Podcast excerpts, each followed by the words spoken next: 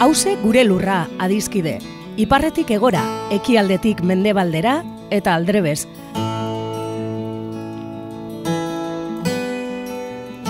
Lurra bakarra dugu edo gaituen lur bakarra da hause. Eta zaintzak dan hori dagokigunez, hemen horretaz egingo dugu berba. Lurraren zaintza kontu ekonomiko, ekologiko eta politikoa da, baita kulturala, kolektiboa eta publikoa.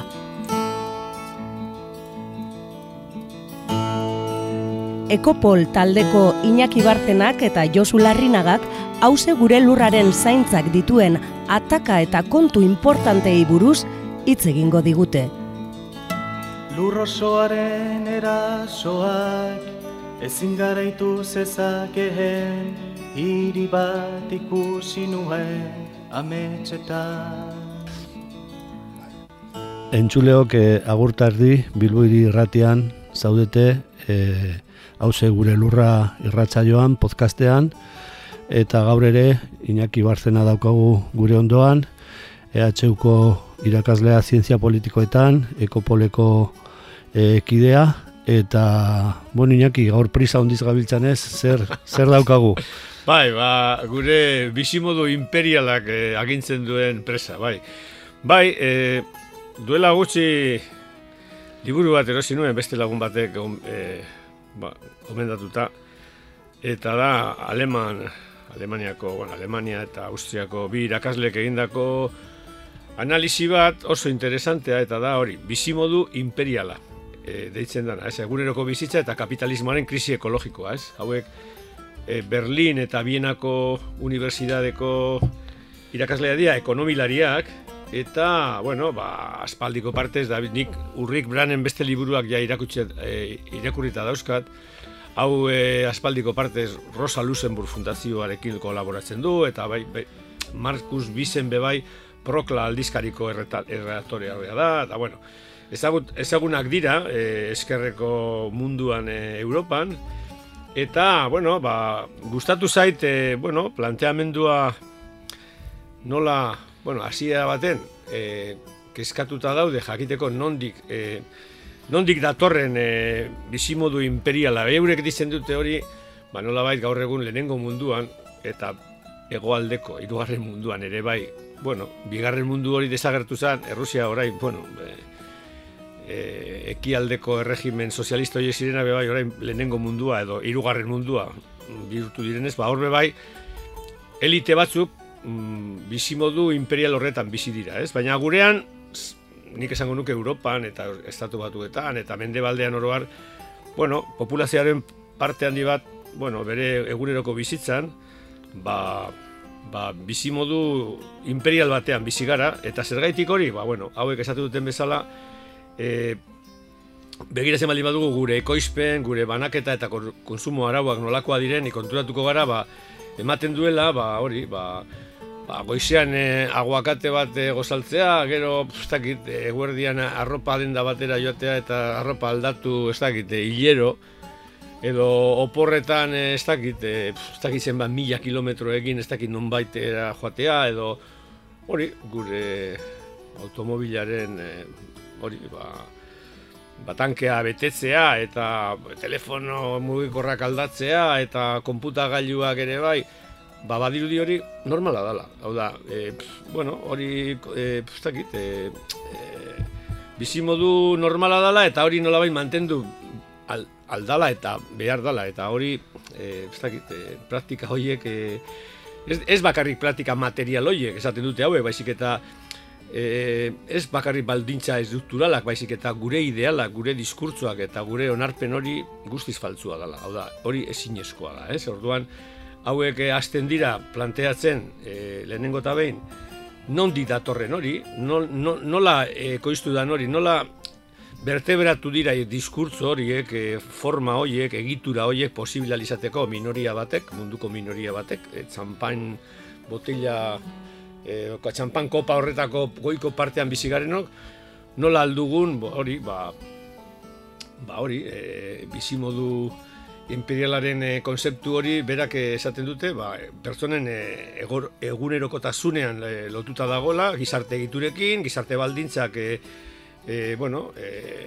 ikusarat, ikus arazi nahi ditu konzeptu honek eta ekoizpene eta konsumo ara, arau nagusi hoiek nola apurtzen dituzten arau ekologikoak eta arau sozialak, ez? Eta, bueno, e, bueno, e, aztertzen dute ba, iparraldea eta egoaldean arteko erlazio neokolonial hoiek nola nola vertebratzen diren, ba, bueno, ba, klase arazoekin, sexu generoen arazoekin, harreman arrazializatuekin ere, eta, bueno, ba, oso, oso, oso interesantea da. Eta, behin eh, argitu eskero, ba, hori nola ekoiztu den, eurek e, argudio kritikoak planteatzen dituzte, zan, bueno, egoera,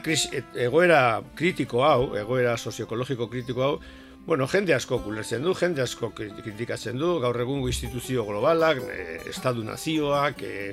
korporazioak, eta bar, eta bar, baina, e, baina non, non, non daude e, egoera honetatik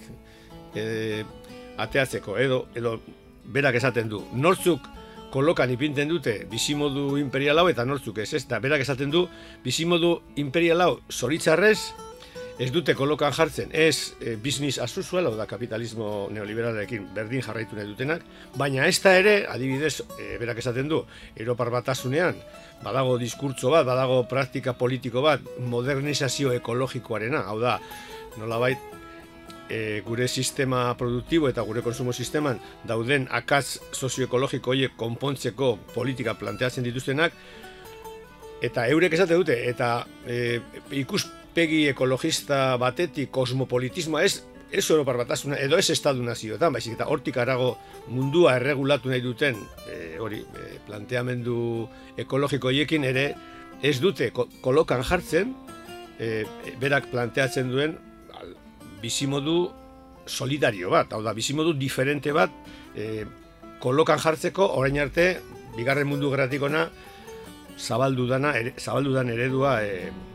e, mendebaldean, ez? Eta alde horretatik kritikatzen du ekonomia berdea, kritikatzen du e, kosmopolitismo berde hori, kritikatzen du kritikatzen dute e, e, bueno, ba, ba gaur egun e, modan jarri den e, modernizazio ekologiko hori, esan ez, etorkizuneko enpleguak eta ingizatea e, e, e, ezin direla oinarritu jarraitzen baldin badugu ekosistemen kontrako zuntzipenean, eta e, bueno, e, eraldaketa sozioekologikoak ikuspegi berriak behar dituzte, baina nolabait, bai, e, langileen parte hartze aktibo batekin, baina, bueno, ba, niri etorri zait burura, hau er, irakurtzen eta idazten ari nintzenean,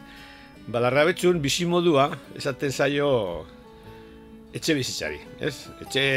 ba, baserri horrek bi bizimodu ditu, ez? Edo etxe horrek lau bizimodu ditu, ez? Eta, karo, larrabetxun bertan gogoratzen dut bai, ba, espaldiko partez, ba, hogeta martxale, edo bila, edo, bueno, etxe bizitza dotore txoiek egin ziren, eta ez bat izan gendun, etxe bizitza horiek zenbat leku okupatzen zuten, eta zenbat energi gaztu hau da zelan, adierazten duten e, eredua, bizin modu e, e, imperial horren e, izpilu argia direla, ez? Eta hauek, adibidez liburuan, e, gauza bera adibide asko ipinten dute, baina kapitulo oso bat dedikatzen diote e, lujozko automobilei eta garraio imperialari, ez? Eta esaten dute adibidez Alemanian, 2006an, iru milioi automobil inguru matrikulatu ziren, eta horiek horietako euneko getabia izan ziren sub deizen direnak, ez? E, Sport Utility Vehicle, vehicle hau dira, e, automobil horiek erraldoiak, e, limusina eta, eta todo terreno modukoak, kristolezko espazio e, okupatzen dutela irian, ez dira e, basora edo ez dakit, edo, edo mendietara joatekoak, dira bakarrik, bueno, ba, segurtasun hori eta bueno, gastatzen duten e, petroleoa izugarrizkoa da, eta bueno, hori planteatzen dute, ba, bueno, hortik datorrela, ba, ba, hori, ba, kritika bat e, nondik goazen eta nondik doan minoria, lujozko minoria batek e, gaur egungo mendebaldean, ez? Eta horren aurrean, e, beste kapitulu baten oso interesantean, e, alternativa faltzuak edo ekokapitalismaren politikak e, kritikatzen dituzte, esan ez, bueno, ba, ba, bueno, ba, orain planteatzen den e, enpresa berde berri hoiek, e, bueno, e, hemen Euskal Herrian ari gara ikusten, ez? Orain negozionismoa bihurtu dana hidrogeno dela eta edo edo argi e, energia alternatiboak direla, erabazi negozio eremu berriak e, beti lotuta ba ingurumen hobearekin eta bueno, ba zakit, e, negozioa handitu e, editen dute eta esate dute hau modu jaksangarrian edo iraunkorrean egiten dela, ez? Eta hor hauek esate dute funtsesko arazo bat dagola eta da ez estatua eta ez merkatua ez dira e, e, erakunde neutralak, hau da, e, gaur egun bizi garen e, e, ereduan e, e, merkatuak markatu ditzake e, ba, bide batzuk, baina merkatuari erregulazioa jarri behar zaio, ba, gauzak justuak eta gauzak demokratikoki eta gauzak nolabait politikak e, agindu behar du pandemian ikusi genuen bezala. Baina e, hori ez da, ez da, nolabait ikusten ari garena e, ekokapitalismoan edo, edo modernizazio ekologiko berde horretan ikusten duguna da, estadua egokitzen dela merkatuko korporazio nagusiek markatzen duten e, ereduari, ez? Eta eredu hori, bai, berdeagoa da, orain energia alternatibak ditugu, orain hidrogenoa da, izango dugu, orain e, ekosistemekiko, bueno, begirune diferente bat, baina, mm, esate duzu, benetan ekosistemek mantendu al izango dute gure gure askunde e, ekonomiko hori, eta bestalde batetik esate dute, bueno, non daude, e, bueno, hor, e, arazoa, krisi ekosoziala konpontzeko, bueno, e, e, formak, ez? Eta orduan eurek, eta hori da liburuaren parte nik uste dut interesgarriena, eta esate dute, bueno, bizimodu solidario bat e, eratu behar da, eratzen ari dela, eta hori mai gainean eurek esate dute, e, akademiko moduan edo ikertzaile moduan e, daukaten e, e, bueno, funtzioa da mm, behatu e, munduan zehar eta munduan e, barrena dauden adibide e, bizimodu solidarioaren adibide gori, adibidez planteatzen dute Basiriako e, bueno, gerra gertatu zenean, eta Siriako jendeak, zazpi milioi pertsona Europarantza etorri zirenean, ba, horre ziren adibidez, e, bai Alemanian, eta bai Grezian, eta bai Europa osoan, ba, nolabait, bizimodu solidario horren adibideak, ez? E, bueno, e, suposatzen dut, bueno, eta ipintzen dituzte adibide asko, ez? E, adibidez, e, Transition Towns horietan planteatzen diren ereduak, edo hiri nekazaritzan, edo ingurumen eta klima justizian, eta baita ere, aipatzen dute Alemaniako mugimendu ekologista ende gelende hauek eh, nolabait eh, ikatzesko edo gasaren eh, proiektu berrien kontra aritzen direnak mugimendu hori demokrazia energetikoa eta bueno eta gero baita ere kuriosoa da egiten dutela defensa oso handia e, komunen e, nolabait eredu komunitarioetan, ez? Eta horre liburuaren hasieran dago mm, esaldi polit bat e, zera e, Silvia Federici dena eta Silvia Federici beti izan da nolabait e, komunen defendari morratua berak gogoratzen du duela gutxi gure ikastaro baten esaten zuela komunak ez direla bakarrik e, e, baso komunalak edo ura edo edo nolabait baliabide materialak komunak bebai direla jokamolde komunitarioak eta haman komunean e, egiten ditugun praktikak, ez? Eta berak esaten du, ezin dugu komunitaterek sortu, uko egiten badiogu gure bizitza eta gure birproduzioare besteen sufrimenduan e, ugaltze hori, hau da, mm, erreparatu behar dugu, e, hori, lehen esan dutena, ez? Aguakatea eta ordenagailua eta ez datorrela zerutik, hori datoz beste komunitatetatik, beste e, lan harreman batzuetatik, eta haiekiko loturari gabekoak hartzen baditugu, ba, kale egiten dugu, ez? Eta hori kontutan hartu behar dugu, bueno, gure bizimodu e, imperial honek zen olako loturak dituen beste lurretan, eta ez urrunean, ger, bertan bebai, e, bertan bebai, nolabait, e, marginazioan bizi diren, e, bueno, adibidez, ba, orain, e, ez, e, bueno, ba, e, negua baldin badator eta pobrezia energetikoa edo, edo zar, zaurgarritasun energetiko handitzen baldin bada, zer egingo du horren aurrean, bueno, planteatu dezakegu bizimodu imperiala esan, bueno, aia kuidauz, eto beste modu baten, prentza, bueno, bizimodu solidario baten, energia ezin da bakarrik e, e, bueno, e, dirua duten hoiek edo renta duten hoiek e, permititzen duten erabilera bat, baizik eta, bueno, e, eskubide bat izan behar da. Eta, bueno, e, benetan e, interesantea da ikustea, bueno, munduan zehar, bizitza solidario horren aldeko, e, bueno, e, aldaketak e, nola egiten ari diren, eta, bueno, ba, nik esango nuke mm, gure e, gizartea errotik nahi baldin badugu aldatu, ba, hori, gizarte bizimodu solidarioa or, orokortzen laguntzen duten prozeduak, prozesuak, ba, bueno, agerian ipini behar dira, eta, bueno, ba, hor esaten dute, bueno, labait,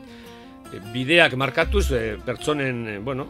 pentsaerak eta pertsonen jarduerak aldatzeko ezinbestekoa direla, ez? Nire ustez oso liburu interesgarria da, oso alde batetik akademikoa, beste alde batetik oso mm, interesantea ikusteko, ba, bueno, benetan ekosozialismotik edo edo antikapitalismotik badaudela gaur egun, e, bueno, dagoen, daukagun krisi ekosoziali e, aurre egiteko moduak. Edertu inaki, zuen txun bitartean, etorri zaite burura, orain dela hilabete batzuk e, Portugaleteko ekotopaketetan, ba inguru batean, bueno, egon zen Euskal Herriko Mugimendu Sozialistako kide bat, eta arek momentu batean, bere intervenzioan esan zuen, e, bueno, hori, ba, transizio, transizio ekologikoa ez dela bidezkoa izango kapitalismoak e, e, nola hori gobernatzen duen edo pilotatzen duen e, bitartean, kapitalismo akatu behar dela, baina bitartean e, langile klasearen e, bizi baldintzak ez direla ikutu behar, ezta? Eta hori esan zuenean, ni pensatu nuen, jo, baina, karo, e, zeintzu dira langile klasearen e, bizi baldintzak, eta ni ziur nago militante horrek ziur eramango duela bizitza ustero bat, gaur egun Euskal Herrian dauden militante sozialista gehiena gazteak dira, eta zer remedio e, bizitza ustero eraman behar dute, baina langile klasea esaten duenean, mor, niri etortzen zait, moraure, morau kantatzen zuen hori, ez da, nire osaba batek e, hiru auto ditu eta langilea dio, dela dio. E, zuk lehen, e, azikeran zarrendatu dituzun zea, hori da askotan langile klasearen e, bizi baldintzak, eta orduan, bueno, ba, hor, hor dago, hor datza gakoa, ez da, e, galdera bakarra edo reflexio bakarra botako dizut, eta gero ja zuk erantzungo duzu. E, ez dakit, e, e, niri betzen zait, e, bizimodu solidario, auster hori eramateko kapazagarenean, e, kapazagarela hori egiteko zeo zer traumatikoa gertatzen danean, pandemia kasu, edo oso jarrera militante eta identitario batetik ba, minori, minoria batzuk hori ere egiten dute, ez da? Bueno, ez da, horre hor, atak horretan e, gaudela iruditzen zait. Bai, bueno, e, zoritxarrez, hori da, batzutan e, ekologista batzuk ez dute, bueno, ba, kolapsoa etorri arte ez du aldatuko. Bueno, kolapsoa beti dino, kolapsoa leku batzutan badago eta orduan ikasi behar dugu e, kolapsatuta dauden e, eredu horretatik eta pandemia kolapso saio bat izan zen. Eta egia da, baina egia da baita ere e, bizimodu solidario horren adibideak oso gertu ditugula. Eta oso praktika, bueno, e, normalak dira, baina ez dira ikusten. E, ez dugu ikustarazten eta nire ustez horti doa liburuaren. Osa, alde batetik egia da, e, langileria esaten dugunean zertaz ari gara. Ez, e, langileria gaur egun da e, konzeptu oso lausoa, oso amebikoa, ez, ez zabaltzen da. Eta bai, hiru hiru kotxe etxean daukan langile batek e, bueno, langile izango da, baina langile horrek e, bizimodu imperiala du. Eta orduan, e, ados nago horrekin, hau da, langileen e, baldintzate eta langileen jubidak ezin dira izorratu, bai, baina langile, e, bueno, gure gure unibertsitateko gazte sozialista batzuk esatu dute langile aristokrazia horren e, eskubideak ba, bebai kolokan ipini dira. Eta hori horrela da, ni horretan mm, guztiz bat nator, ez? E, e, adibidez, lujosko kotxeak, edo adibidez, e, bueno, e, ditugun e, e, ez dakit, e, elikadura eredu oso, ez dakit, e, oso, e, ez dakit, lujoskoak, horiek nik uste dut, e, bueno, e, gizarteak erregulatu behar dituela, eta estaduari exigitu behar dio hori bukatzea modu baten edo bestetik, ez da. Oda, nien naiz oso provisionista, provisionista, baina, bueno, ipini behar dira, neurriak, alde batetik, e, bueno, ba, berdin e, konsumo energetikoan, konsumo energetikoan, oda, e, kotxe handi horiek daukatenak, edo etxe erraldo horiek dituzten gastuak oso aldia. Dira, aldute egin, bai, baina nik uste dut, e, regulazio estaduari exigitu behar zaio, gizarteak estaduari exigitu behar zaio, exigitu behar dio, ba, neurri batzuk gastu horiek eta lujosko bizimodu horiek ba, beste modu baten e, bueno, e, izateko eta askoz gehiago pagatzeko euren energia edo euren kotxeak edo gauza horiek, ez? E, hor dago eztabaida hori, ez? E, bueno, Bob Marley esaten zuen euneko bia eta orain esaten da, euneko bata eta larok eta emeretzia, e, ze diferente bizi garen, ez? Ba, bueno, ba, hori ni ustez e, interesantea da. Bueno, eta gero daude grisak, eta, bueno, ni bebai, ni, ni banoan e, hogeran ere kontra esanekin, ez? Baina, esan, ez, ni bebai zetizen naz bizimodu imperial horren parte, bai, claro, baina, bueno, e, lehenengo eta behin, e, aztertu behar dugu asuntoa eta gero bebai aldatu, gauzak aldatu. Edertu Iñaki, eta ze kanta ekarri duzu aldatze bide horretan laguntzeko? Ba, ekiri dut e, duda asko eta ekarri dut betiko moduan, ni kanta klasiko bat. Beti gorazen naz, e, donostia da joaten ginenean kontzertutara, askotan esatzen zigote, jode, Rolling Stone etorri dira, Victoria Eugeniara, et, ekarri dute kristolesko limusina, eta gero eskatu dituzte e, zea, e, neskak putak ekartzea, eta ez dakiz zer, bakinor, eta egon dira, barra, bueno, hori, bizimodu imperial horren fijazio hori ekidot rokeroekin, ez? Eta pentsatu dut, bueno, bai piniko dugu e, hori, deabroren aldeko simpatia, sympathy for the devil, e, Rolling Stonena, osatzeko.